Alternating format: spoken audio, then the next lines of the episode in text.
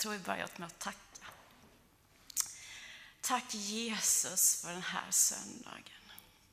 Jag tackar dig Jesus för musiken. Och jag tackar dig Jesus för sången och för ordet. Och för allt det hopp som det skapar. Tack för att vi får eh, samlas idag och fira gudstjänst tillsammans. Nu lägger vi hela den här gudstjänsten i dina händer. Amen.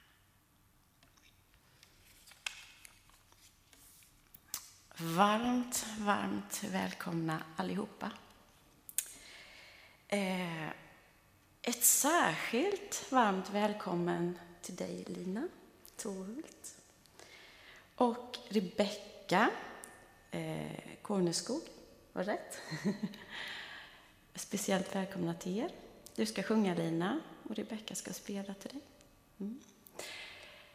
Eh, fler som medverkar idag på förmiddagen är Stefan som vi redan har hört underbart stycke ljudmusik av. Vid mix, ljud och data, det är mycket nu som händer där nere, sitter Erik och fixar och Jan, Erik Holmberg och Jan Isaksson. Idag predikar Daniel Lundstedt och eh, David Ögren är här, som inte gäst, det var synd att säga, men och informerar om samhjälp. Och jag som leder gudstjänsten heter Lotta Wendel.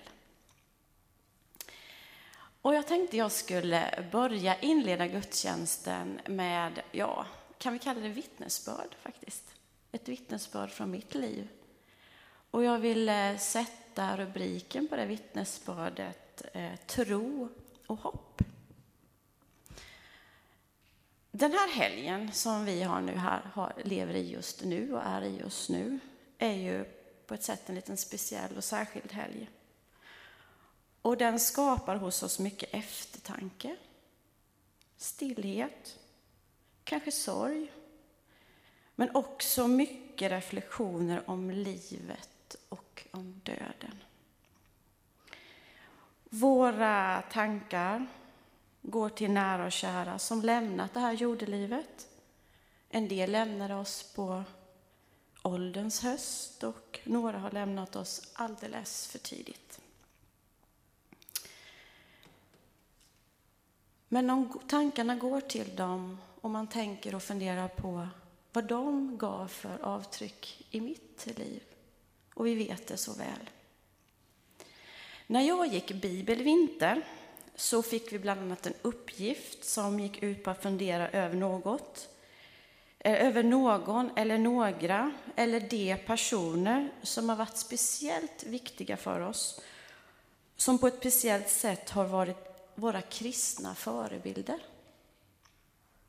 Och det här var en väldigt spännande uppgift och jag gjorde en liten livsresa. Och det blev fantastiska vittnesbörd. Nära, kära, vänner, ungdomsledare, pastorer som gått före oss och visat vägen. Hjälpt oss att lita på vår tro, leva i tillförsikt och visa det på hoppet.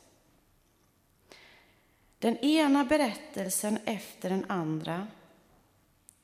Det var fantastiskt att lyssna på. Och där satt vi 20 stycken. Och i vördnad och tacksamhet och med tårar trillade ner för våra kinder fick vi lyssna till varandras berättelser. Många av de här förebilderna hade redan gått ur tiden och det blev en stark påminnelse om vilka spår vi faktiskt kan sätta och ställa i varandras liv. Här var vi tillsammans, syskon i tron. Och vi kände att vi alla fick ta del av och känna av en bit av himmelriket. En smak av evigheten. Jag berättade bland annat om min mormor som visade på hur man kan ha Jesus som en nära vän. Min mormor hon gick ständigt och småpratade om Jesus, eller med Jesus. Hon visade mig hur en nära relation med far kunde vara. Du och jag, Jesus. Under mina ungdomsår, då jag fortfarande inte var en övertygad kristen, lärde jag känna en kvinna. Hon, hon hade gjort sig fri från människofruktan och ägnade sitt liv åt att göra det Gud sa till henne att göra. En profetisk kvinna med en så kärleksfull utstrålning som man tappade andan när man träffade henne. När jag i vuxen ålder lämnade mitt gamla liv och blev kristen så går ofta och gick och går ofta mina tankar till Rosmarie. Hon gick hem till Jesus alldeles för tidigt tycker jag. Men Rosmarie, hon lärde mig att det viktigaste är att lyssna till Gud, vara öppen i anden och sätta sina gåvor i funktion. Den tredje personen är min pappa som gick bort förra hösten. Eller som han själv sa, nu är det dags att gå hem, Lotta. Vi hade verkligen våra meningsskiljaktigheter, jag och min far. Men han har varit en person som har lagt grunden till min bibelläsning. Och han lärde mig att det är genom ordet vi lär känna Jesus. Vikten av bönen har gått i arv från min mamma.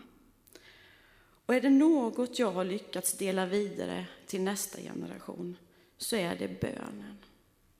Allt kan du be om, allt kan du överlämna.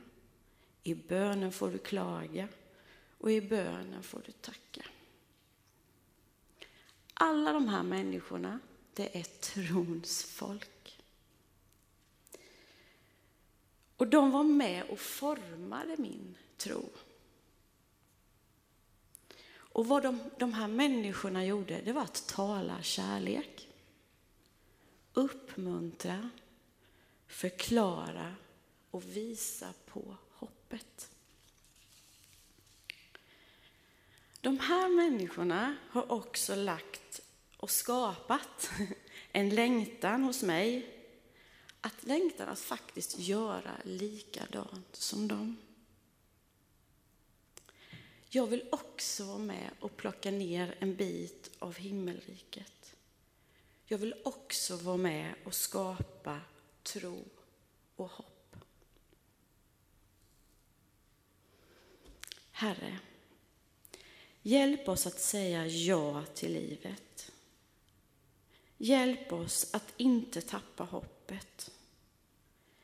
Hjälp oss också att se livet som det är och vad livet har att ge. Bevara vårt hopp om ljus om dagen, där kärlek och glädje dansar utan skor i gräset. Stanna hos oss, bredvid som en stödjande medvandrare, framför som en vägröjare, bakom oss som den beskyddare du är. Bär oss som en bro över alla mörka vatten vi ska korsa i våra liv. Ta oss till slut i din famn när skymningen faller och bär oss hem. Amen. Vi ska nu tillsammans sjunga 748 och därefter ska Lina sjunga för oss två sånger. Música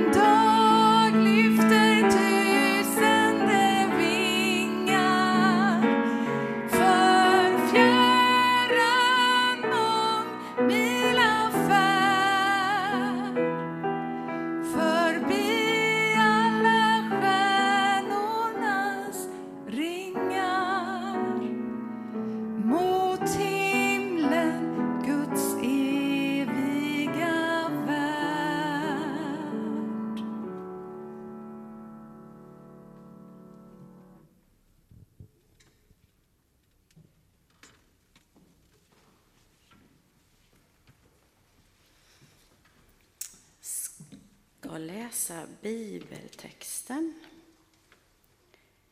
på telefonen.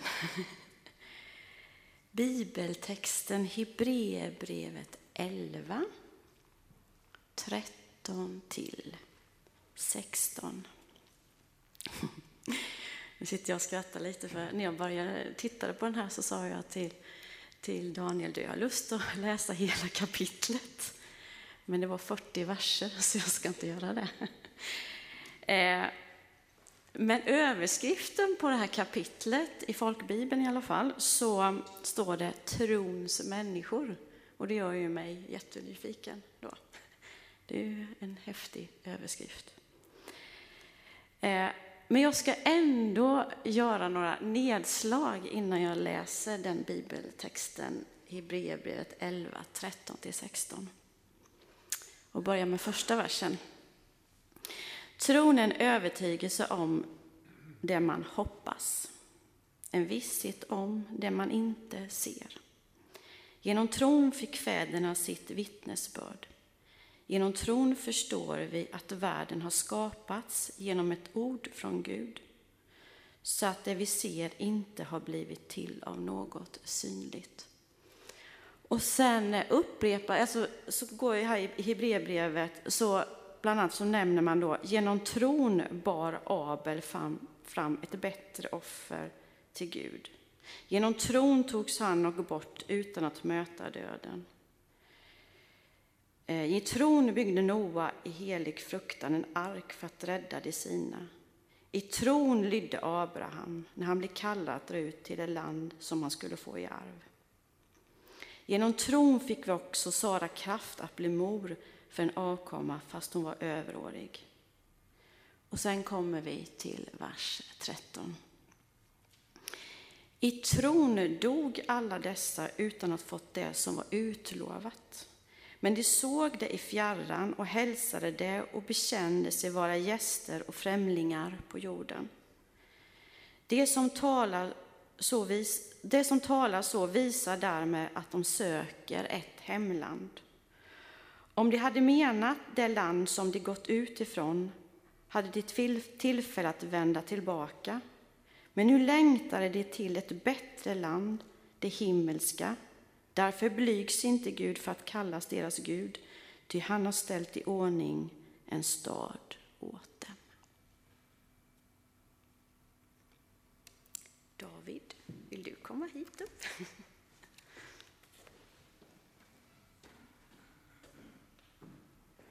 Hallå, hallå!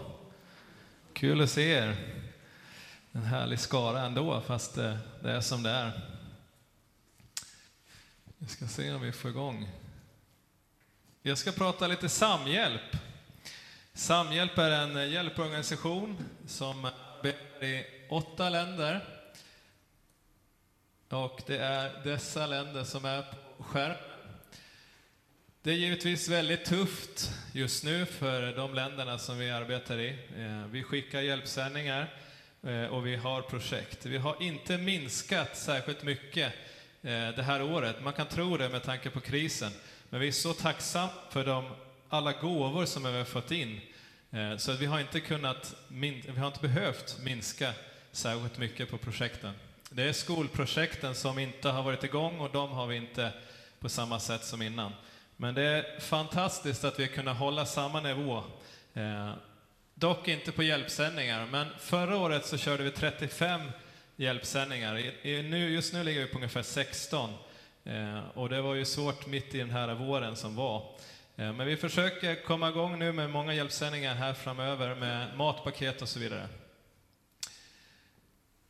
Så här kan det se ut. Det här är när vi lastade till Ukraina. Det är eh, sjukhussängar som vi får ifrån regionen. De byter ut sängar på äldreboenden och då eh, får vi dem. Eh, och här är det fullt ös. Det är sängar som ska upp. De väger ungefär 125 kilo styck. Så det är rätt bra tyngd på det. Och det ska givetvis fyllas över dem. Det går inte bara att skicka sängar som de är. Vi skickar knäckebröd, ni ser där till vänster. Eh, och det ska fyllas på med allt möjligt. Eh, vi skickar de här fönstren. Jag fick ett samtal från eh, Flexibygg här i Taberg. Nu gör jag reklam för dem också. Eh, inte sponsrat. och de fönstren vi, har vi skickat ner till Rumänien. Han sa det att jag bytte, ett, jag bytte fönster på ett hus i, i Barnarp. Eh, vill ni ha 17 fönster? Ja, det kan vi ta emot. Eh, vi fick, jag fick ett samtal från Peab, de håller på att renovera på A6. Och så sa de det att eh, vi har rätt mycket dörrar här, skulle ni vilja ta hand om det? Ja, men det är klart vi gör det. Så vi fick eh, över 50 dörrar. Men när de kom ner och skulle montera det här så märkte de att de passade inte riktigt. Men de knackade sönder runt omkring så att de skulle passa. Det är ett nytt projekt som vi har nere i, i eh, södra Rumänien. Jag ska berätta mer om det sen. Eh, det här kom också från Peab, toalettstolar och handfat. Och vi har fått från Sweden Hotels, eh, vi har fått påsar, vi har fått eh, hygienartiklar och sådär, som vi också har skickat tidigare. De använder det till att packa mat och dela ut till de som, som behöver det som mest. Vi fick också ett samtal om diskmedel. Ja, då frågade jag hur mycket diskmedel är det då? Ja, det är sju pallar. Kan ni ta emot det? Ja, men det, det, det gör vi. Och det, det här festliga i sammanhanget var ju att det kom precis då när, när vi skulle ha våra matpaket och packa matpaket. Behövde vi inte, behövde vi inte köpa några, något diskmedel, utan det, det kunde vi ju ta därifrån då. Så ser de ut. Och så har vi lite godis kvar också från en trailer som gick sönder förra året. Vi fick ett samtal, du vi har, vi har en trailer som har gått omkull uppe i, uppe i Norrland. Eh, vi har lite godis som, har, som är på den. Ja, hur mycket är det då? Ja, men det är nog en 700 kilo, sa de. Eh, och sen då när vi, när vi fick ta emot det och eh, eh, började kolla på det, det visade sig att det var två ton. Så godis har vi fortfarande kvar till våra matpaket. Och så här fullt ska det bli. Eh, det här var till Rumänien förra veckan. Ambulanser får vi in också. Just nu har vi två ambulanser som vi har fått in och eh, som vi nu kommer, förhoppningsvis, när det börjar lätta lite grann, så ska vi försöka få iväg dem. Det är lite riskabelt just nu att både köra med vår egen lastbil eh, och ambulanser, så vi vågar inte riktigt det eh, som läget är nu, om vi skulle fastna och vi skulle bli sjuka eller så. Men det kommer en tid när vi kan, kan få iväg också. Sen är det julgåvan, matpaket. Och jag tänkte jag skulle ta hjälp av mina barn här. Så här ser matpaketet ut, som eh, Daniel pratade om innan här. Eh, ni kan börja ta lite, visa upp lite, vad är det i den här? Där har vi lite ris. Där är fröer, och de fröerna får vi också. Eh, de har vi fått från ett företag som... Och spaghetti finns det. Vad har ni mer där då? Ja, den är tung. Tvål. Två och en halv liter tvål. Den tvålen får vi från Vadstena eh, och sen tappas det upp av kommunen eh, i Huskvarna. Tandborstar också. Det är strösocker. Ja, vi kanske inte behöver lasta upp hela, men eh, det är toapapper, det är godis, kex. Vi fick 40 pallar med knäckebröd ifrån Filipstad.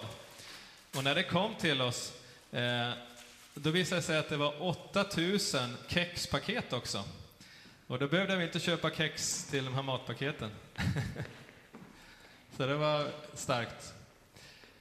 Så här ser lokalen ut. Det är på Solåsen just nu, eh, det här året. Vi var oroliga. Ska vi kunna eh, packa matpaket i år? Löser vi en lokal? Har vi, kan vi få in material med tanke på att ICA och sådär, de vill inte att man ska buffra eh, för mycket. Eh, så att då, då blev det liksom att vi, eller bunkra heter det, buffra IT.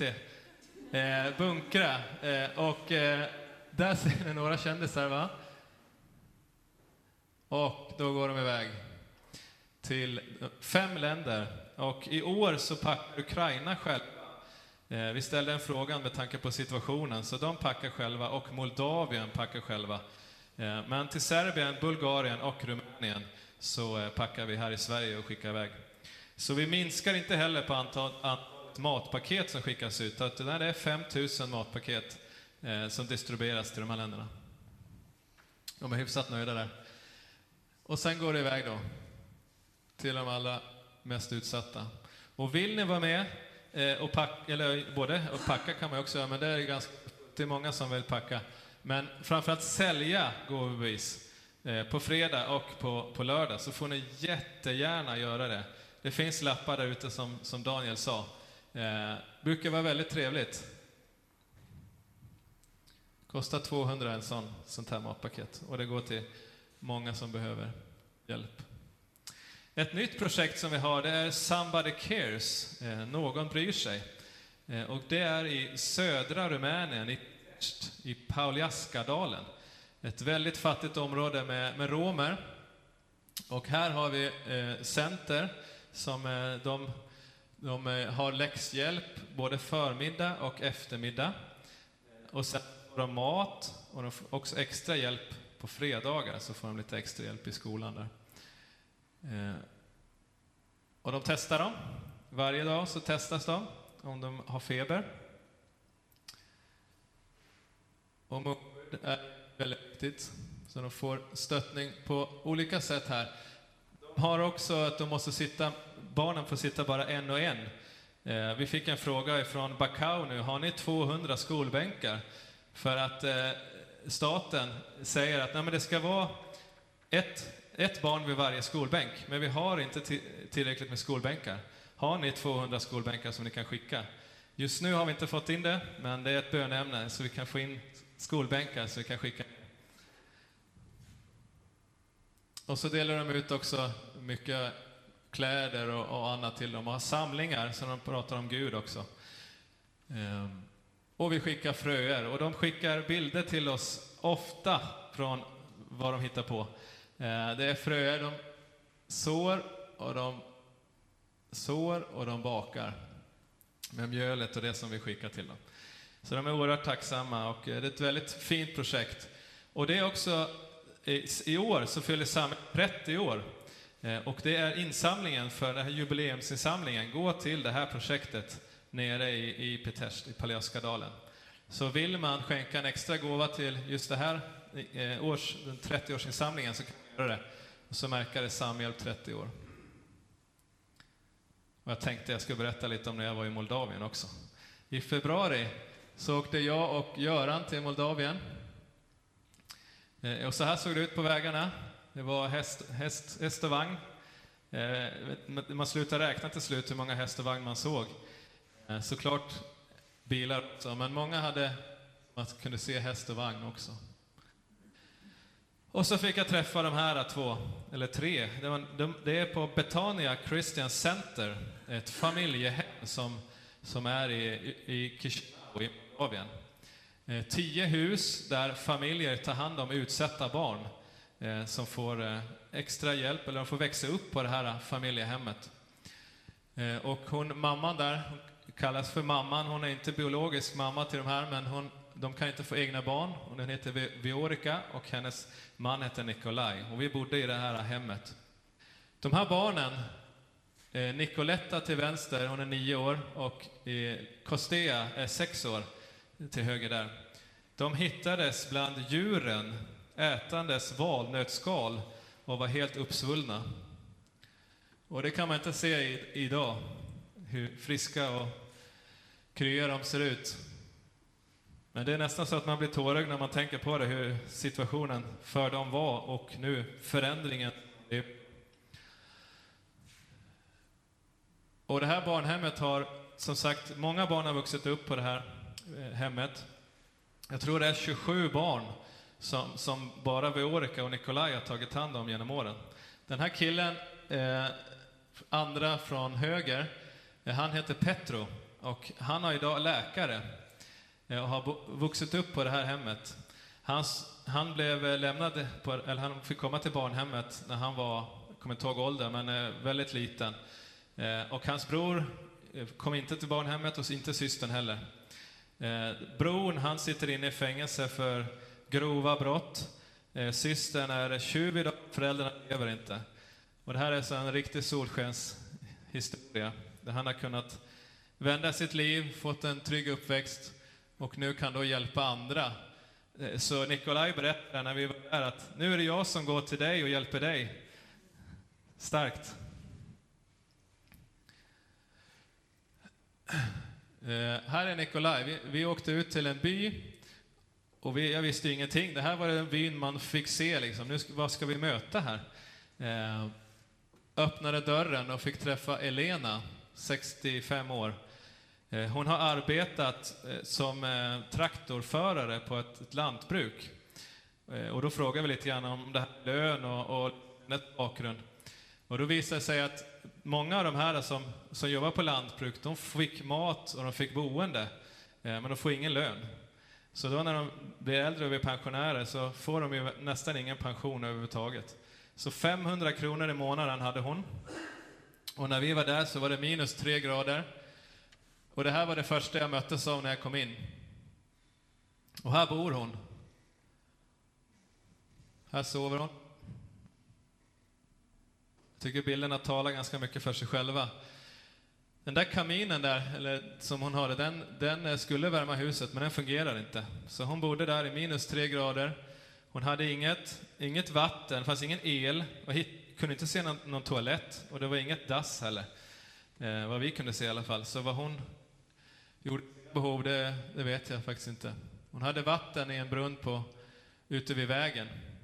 Men vi gav henne mat, Eh, och hon hittades av Nikolaj för en månad sedan. Och hon, idag så ger de mat och de får kläder och hon får hjälp på olika sätt och vis. Då. Vi kom med lite knäckebröd, ni ser knäckebrödet. och det, hon tog tag i det snabbt där. Hon var hungrig.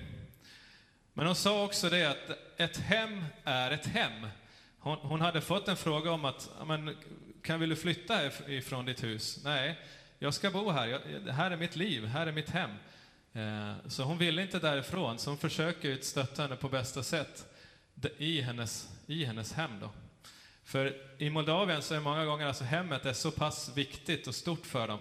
Eh, så det, det, det är så eh, värdefullt att bo i sitt eget hem och man vill inte flytta. Man flyttar väldigt sällan eh, till något annat, utan det, hon ska bo där. Det var hon bestämt sig för. Vi fortsatte till eh, andra hem. Eh, det här, de fick också mat eh, och sådär. Och hon till höger, den kvinnan, hon var också i 65 års ålder någonting.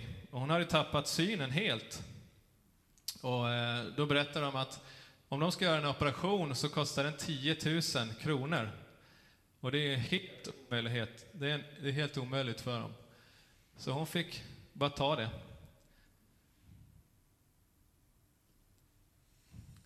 Här var, träffar också några, eh, de här hade tagit hand om socialen och eh, Nikolaj är med och stöttar nu. Och vi, vi kom dit med, med knäckebröd och det var också, bara sprang fram till knäckebrödet. Man anar ju att de var väldigt hungriga. Och så här såg det ut i hemmet då. Det här var en, en stark, eh, också en stark möte. Eh, hon kvinnan här, mamman är psykolog. Eh, men hon, hon hade bara eh, 160 euro i månaden som psykolog. Det är inte mycket. Eh, staten hade inte möjlighet att betala mer, så hon sa du får halv lön den här månaden, hade hon sagt. Och så har hon en man som inte alls är snäll mot henne. Och, så att det var en väldigt svår sits för dem. De fick hjälp med el och, och mat och, och, kläder och såna här grejer. Men de var så entusiastiska. Den här tjejen till vänster, de ville de visa, vi kom, så ville de visa vad hon kunde. Så hon skulle spela fiol, hon skulle spela gitarr och här kan du. Vi var där hur länge som helst och de skulle bara visa upp för oss vad hon kunde.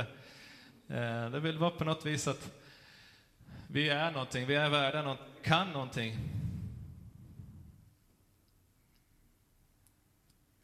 Och så åkte vi vidare och vi tog med oss ICA Basic snabbmakaron och lite annat smått och gott till den här familjen. Och här kan man undra, man kan eh, tänka sig vilken ålder det är på de här, men eh, hon till höger var 46 eh, och den andra var 50. Eh, och de hade bara vatten, vatten vid huset. Och här var en svårighet, för han, vi frågade honom, vill du jobba? Nej, jag vill inte jobba. Det var, eh, han skulle på något han skulle klara sig själv eh, i huset och, och mam, eller hon, kvinnan skulle, skulle jobba, då, men mannen skulle inte göra det kultur.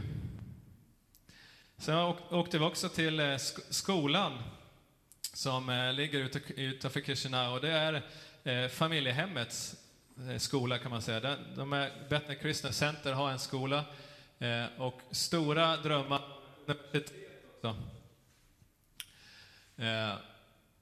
Men då mötte vi den här tjejen, Krina hette hon. Hon var 18 år.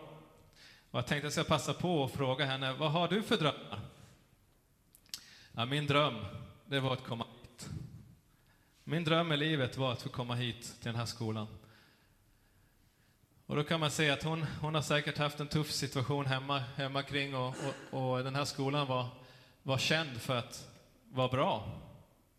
Där de bemöttes väl och, och hade bra undervisning. Så att väldigt höga siffror, bra statistik på, på, eh, i skolan där.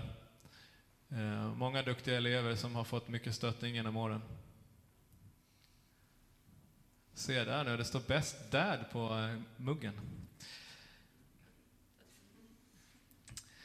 Eh, och när vi då skulle lasta av den här hjälpsändningen, det var det fullt ös kan man säga. Det var eh, elever från skolan då, och det är inte de som kommer få så jättemycket av den här hjälpen, utan den går ut till andra. Men de var väldigt taggade på att hjälpa till. Ska se, nu hoppar den.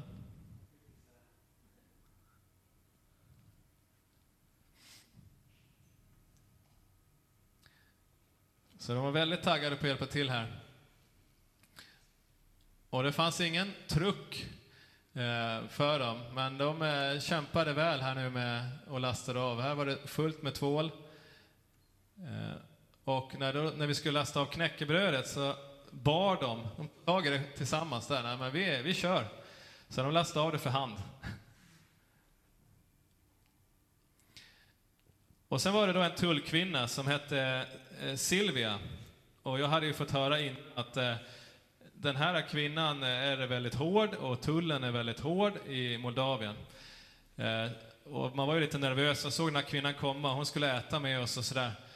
Eh, och hon stod där och tittade, inte en min, hon, inget leende överhuvudtaget. Vi kände, kommer det här gå igenom liksom? Gode Gud, gode Gud. Eh, och så står hon och tittar och ja, öppnar den lådan, öppnar den lådan. Hon gick till lagret och man blev liksom, oj, hur kommer det här gå? Kommer det funka liksom? Hon kommer tillbaka och så märker jag att, att hon vill någonting. Så hon går fram till mig och så säger hon, eller hon på sitt språk, hon kunde ingen engelska. Så hon sa eh, liksom, finns ni på Facebook? Och jag blev liksom, finns på Facebook? Vad är detta nu? Eh, nej, men eh, ja, men det gör vi. Jag tog upp telefonen och så visade så här är Samhjälp på, på Facebook. Så där. Men sen märkte jag att nej, men hon vill någonting mer. Okej. Okay. Eh, så ja, men eh, har du Facebook? Ja, jag har Facebook. Okej, okay. kan jag få bli vän med dig? så där var tullchefen i i eh, Chisinau visade sig. Så hon, sen blev hon på, gott humör. Så det är rätt så bra att ha kontakt med tullchefen i Moldavien, det måste jag säga. Så jag hoppas det kan gå smidigare nästa gång. När vi... Men det gick väldigt bra. Vi kom in på en timme in i, genom tullen och ut på en timme ungefär, så det gick väldigt, väldigt bra. Eh, så nu är vi vänner på Facebook där, så vi får se vad det... Så är det.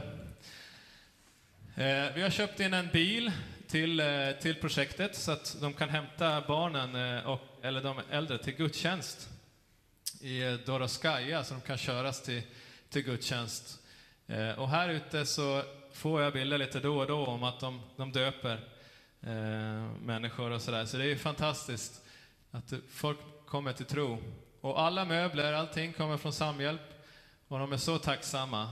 De delar ut knäckebröd varje söndag nu är corona en annan sak, men, eh, men då gjorde de det. De delade ut knäckebröd, stor massa med förpackningar där.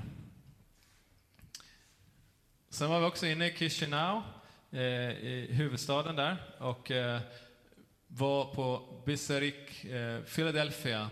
Det är en stor församling eh, och det håller på mer teknik och mer eh, än vad vi har i Sverige. Det var väldigt fläckigt, skärmar sådär. Men på något vis har de ju lyckats nå ut eh, och hjälper då väldigt många människor i, i Chisinau här. Eh, och har barnverksamhet och, och sådär. De har stora drömmar eh, att då bygga ett universitet i, i förlängningen. Och det känns inte helt omöjligt, vi får väl se. Gud har stora planer för, för dem, känns det som. Eh, och i, bakom huset så har de lite Eh, dusch och tvättmaskin och, och sådär. Och så får de då eh, kli, eh, skägget ska de raka dem också. Och så får de lite mat och så får de vara med på gudstjänster och sådär. Det var väldigt viktigt att de inte kom in eh, som slitna på gudstjänst. De skulle vara välvårdade och de skulle raka sig och de skulle ha klä, ordentliga kläder och sen kunde de komma in på gudstjänst. Eh, och det hjälper de dem med då. Sen har vi fått en hälsning ifrån eh, Rumänien. Helping. Ska vi se. Love. Love. Love. Love. Helping. Others. Generosity. Love. Love. Care. Humble. Teamwork. Honor. Fun. Love. Character. Sacrifice. Family. Time. It will be very hard to express in any words what some help mean for Eastern Europe and especially for Romania. So, from the bottom of our hearts, we want to say thank you for thousands and thousands of people that have been helped. Thank you for being willing to take the sacrifice and come to Romania right after the revolution and be the hand of God for our country. Thank you for every smile. Thank you for every help and because you show care to our people. God bless you. Tack så mycket. Thank you. Mulțumesc. Thank you. Mulțumesc. Mulțumesc. Mulțumesc. Thank you. Thank you. Thank you. You are wonderful. Thank you, tack så mycket, mulțumesc. Happy birthday, Samuel. The best is yet to come.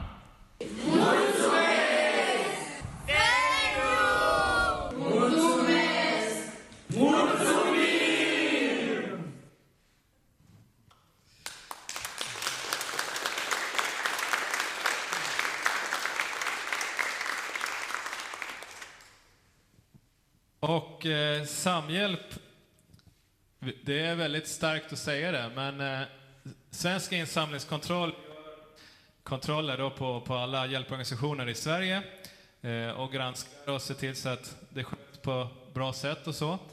Eh, och Samhjälp har endast 3% i administrativa kostnader.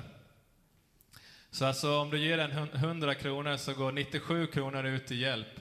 Så 3% är administrativa kostnader och det är svårslaget idag.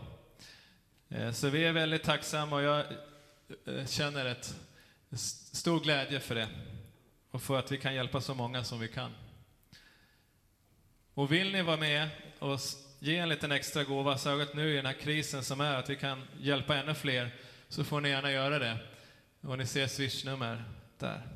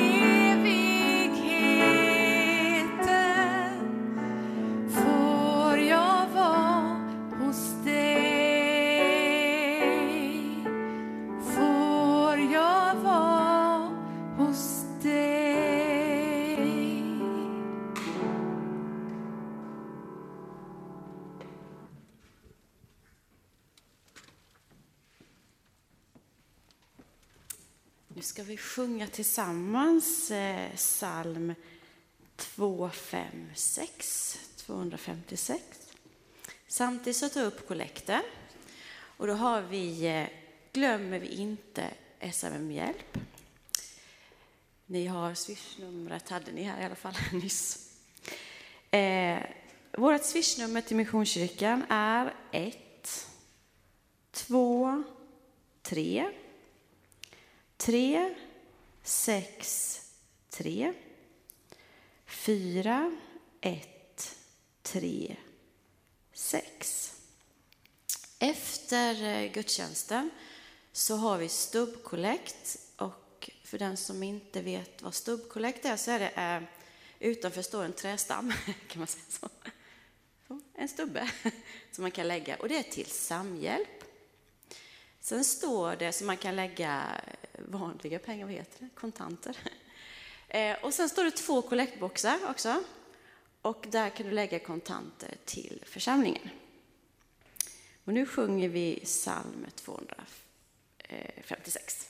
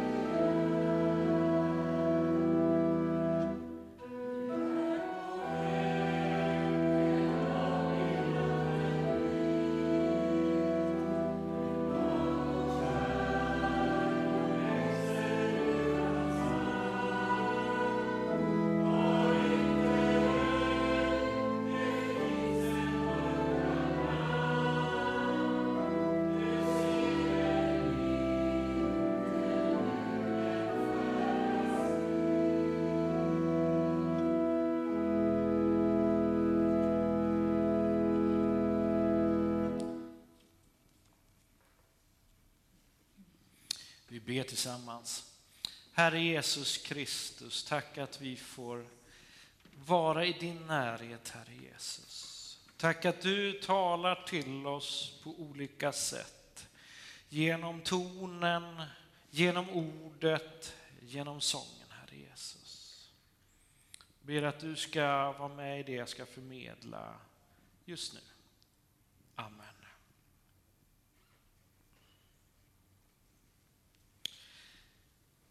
Det bibelord ifrån evangelierna som eh, är dagens predikotext är hämtad från Lukas kapitel 20, vers 37 och 38. Och där står det så här. Att de döda uppstår har också Mose visat istället om törnbusken, där han kallar Herren för Abrahams Gud och Isaks Gud och Jakobs Gud. Gud är inte en Gud för döda, utan för levande. Ty för honom är alla levande. Alltså den här texten är, alltså den är mitt i sån här, man kallar det för, för stridssamtal, eh, där Jesus håller på och tjafsar egentligen med de religiösa ledarna och vad som är rätt och vad som är fel. Och i det här läget så är det ett snack han håller på med tillsammans med saddukeerna som säger att det inte finns någon uppståndelse. Och därför så kör Jesus på hårt och avslutar med själva poängen i den här diskussionen. Det finns en fortsatt tillvaro efter döden för den som tror. Och det gäller också er sadukeer. Och det inger hopp. Och hopp är ju det som sådär, det, det kan ju ligga väldigt långt fram. Eller så kan det väl ligga kort. För de som är i Rumänien så väntar de nu på hoppet. En box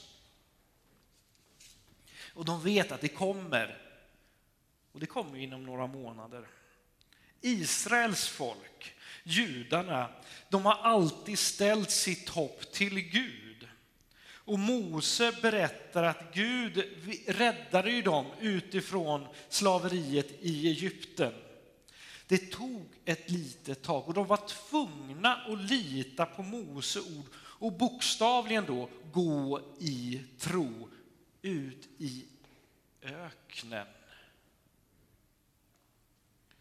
Det var inte lätt. Läser man hela berättelsen så är det liksom deras tilltro till Mose går, ja nu följer vi dig, eh, till att det bara faller platt till marken och de undrar vad har han gjort? Och sen går det uppåt igen och så neråt under väldigt lång tid.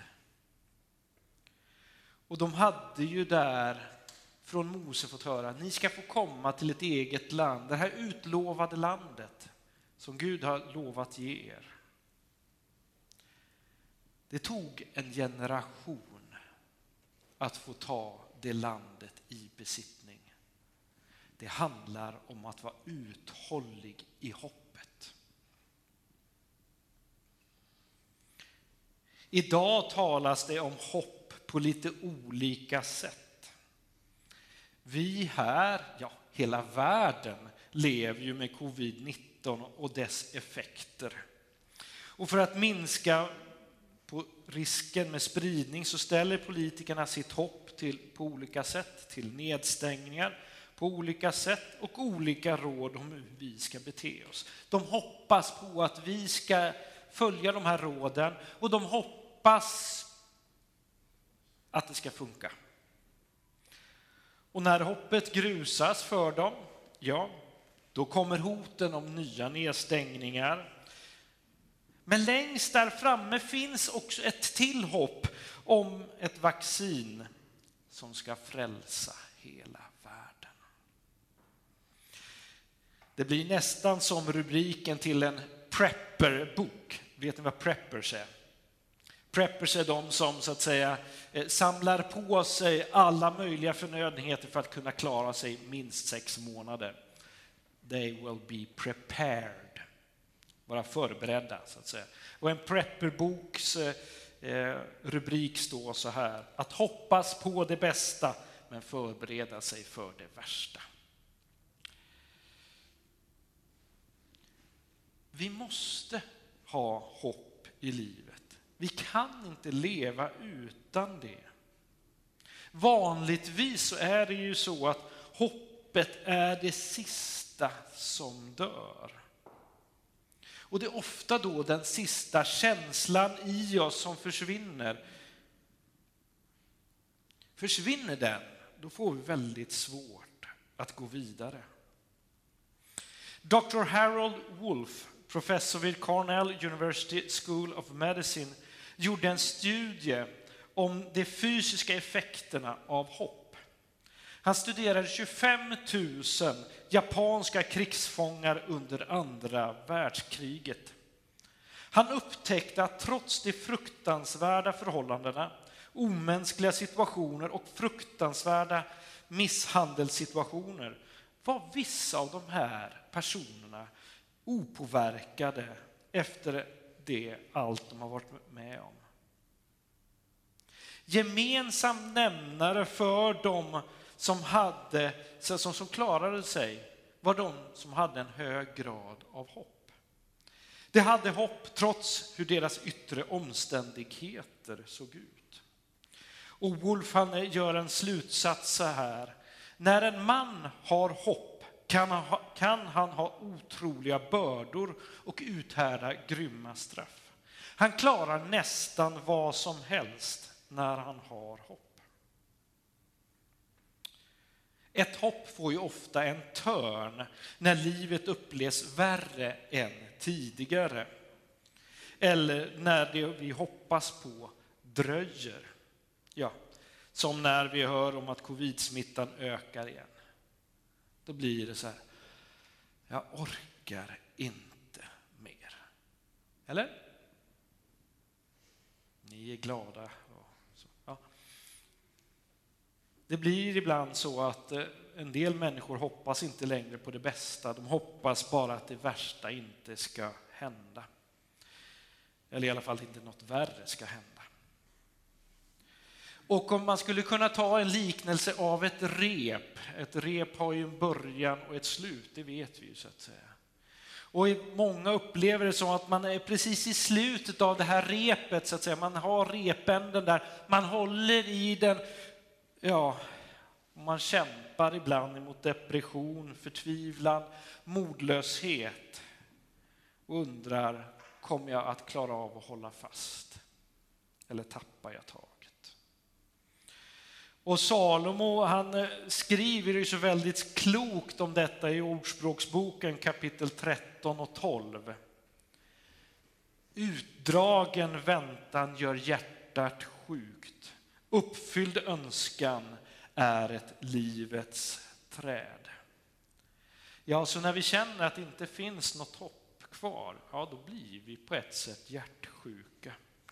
Och där finns ju depressionen liksom sådär om hörnet eller precis bredvid. Men hoppet är ju det som är livräddaren i slutet på det här repet. Det är precis som att hoppet finns där dallrande som ett nytt rep som vill liksom knyta ihop oss med vårt eget rep så vi fortsätter kunna se att det kan finnas en bättre där framme och så försöker vi följa repet vidare.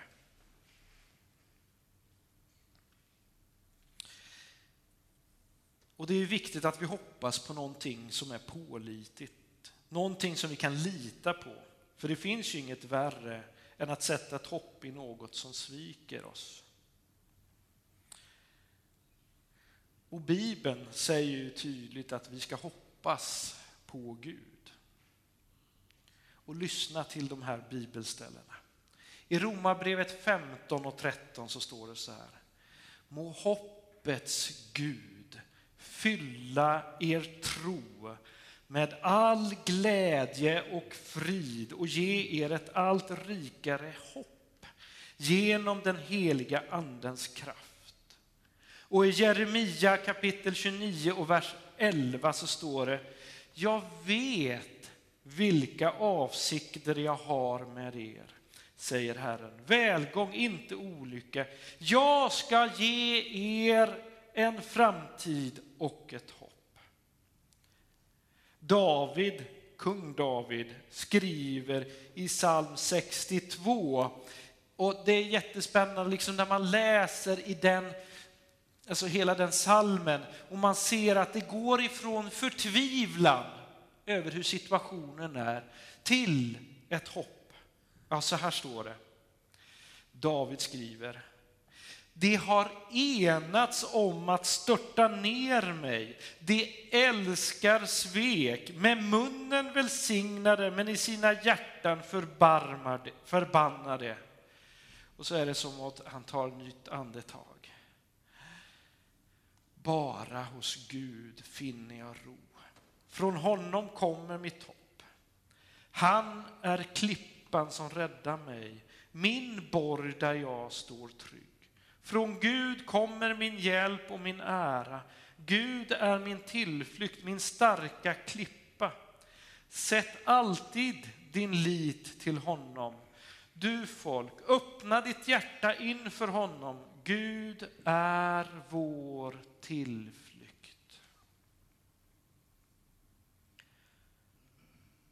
Hoppas på Gud, då Gud har vänt sina ögon till oss och ser på oss. Hoppets Gud som älskar dig tar din hand och säger var inte rädd, jag hjälper dig. Gud verkar i dig och i mig.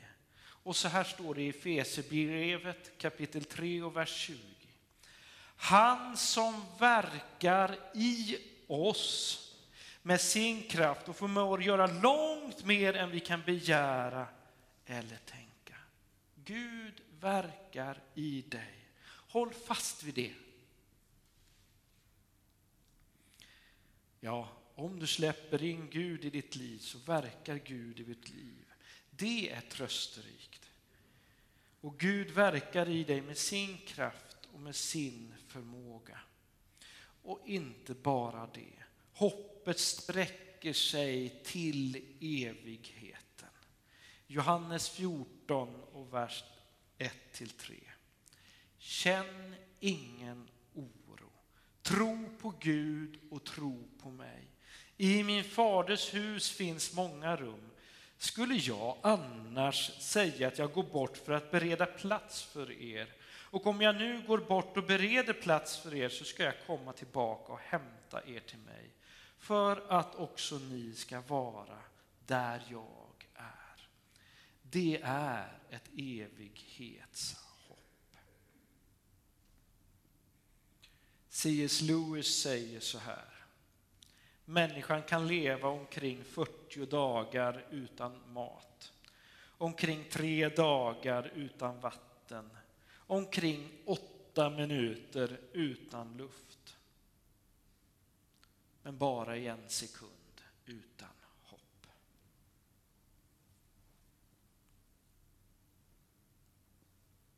Ett sista citat, men då ifrån Niklas Hallman. Ni som har barn går hem och lyssnar på den här låten när ni kommer hem tillsammans med era barn. Refrä, eller versen är så här. Ge inte upp. Vi får inte glömma. Snart ska vi se vad vi bara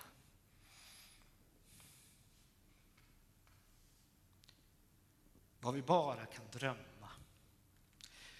Guldet är gatsten, diamanternas grus, i staden där Gud själv är människornas ljus. Och refrängen, hopp, hopp, hopp. Jesus är mitt enda hopp. Ja, Jesus är vårt enda hopp. Och vi får säga, du Jesus är vårt hopp. Och i slutet på vårat rep, där vi kanske känner det här, jag tappar, jag klarar inte detta. Ta tag i Jesu rep. Hoppet. Och håll kvar. Och håll kvar. Och håll kvar. Och håll kvar. För Jesus släpper inte taget om dig.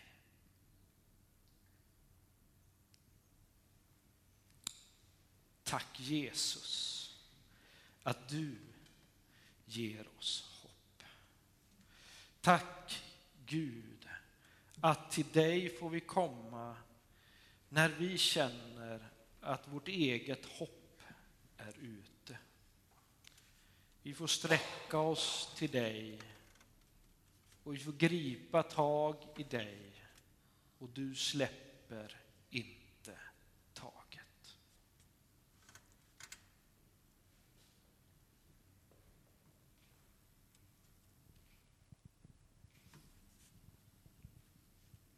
Mm.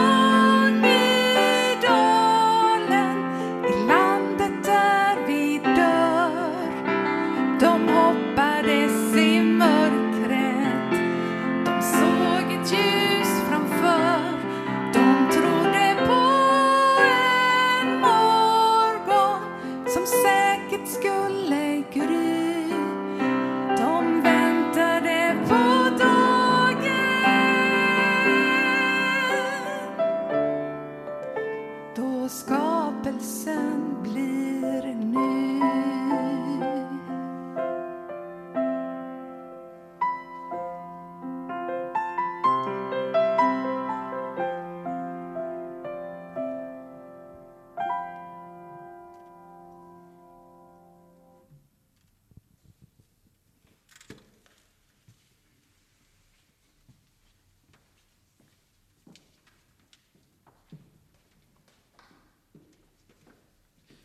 Innan vi sjunger tillsammans eh, ett par lovsånger så vill jag bara så, eh, om du känner att eh, du själv är i slutet på det där repet och du känner liksom att jag tappar taget och jag behöver hjälp.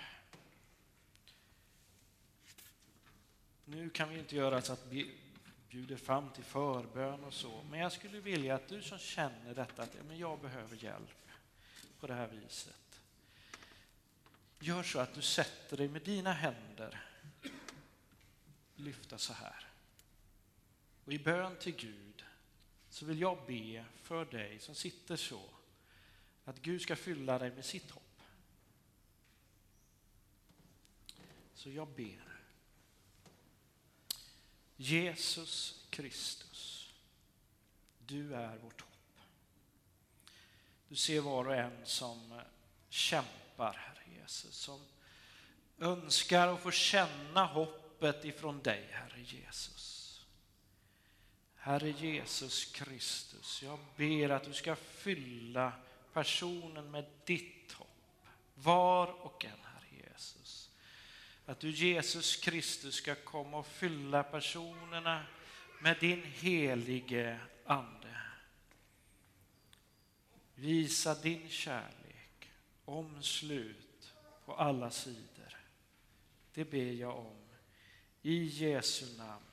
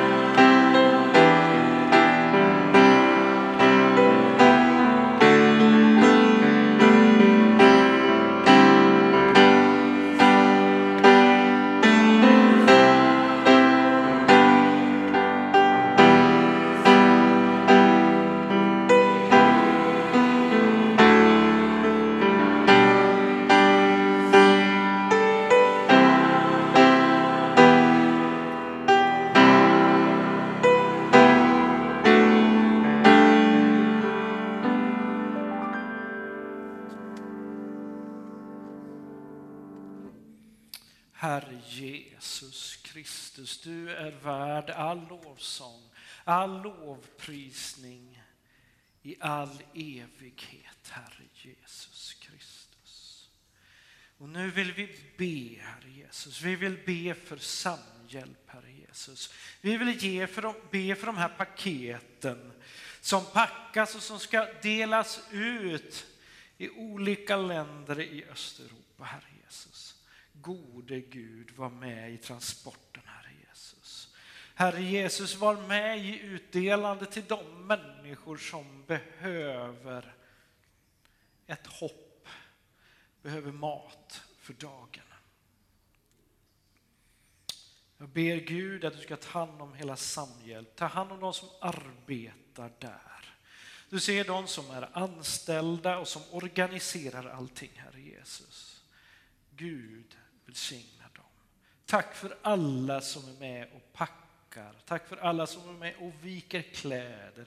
Tack för alla som kollar att radioapparater och som datorer och annan elektrisk utrustning fungerar, Herre Jesus, innan det går till försäljning. Välsigna dem, Jesus.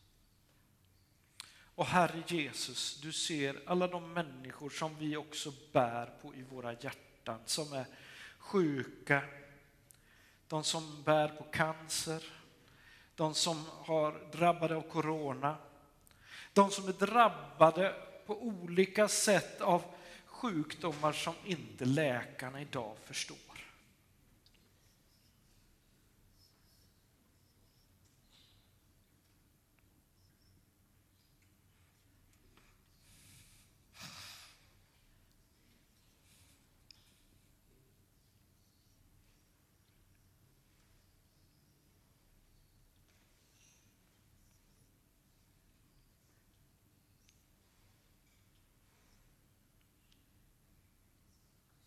Gud hjälp.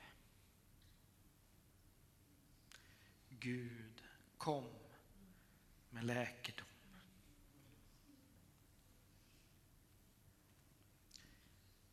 Gud, du som